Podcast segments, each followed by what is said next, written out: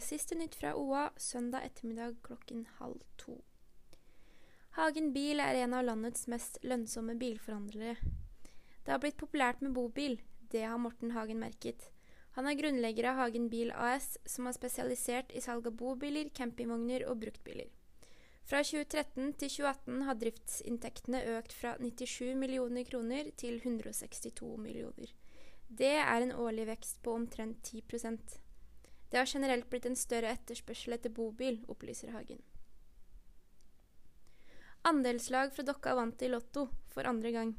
Første gangen de vant var for nøyaktig fem år siden. Det totale beløpet var på rundt 1,6 millioner kroner, noe som utgjør over 230 000 kroner til hver av de sju personene i laget.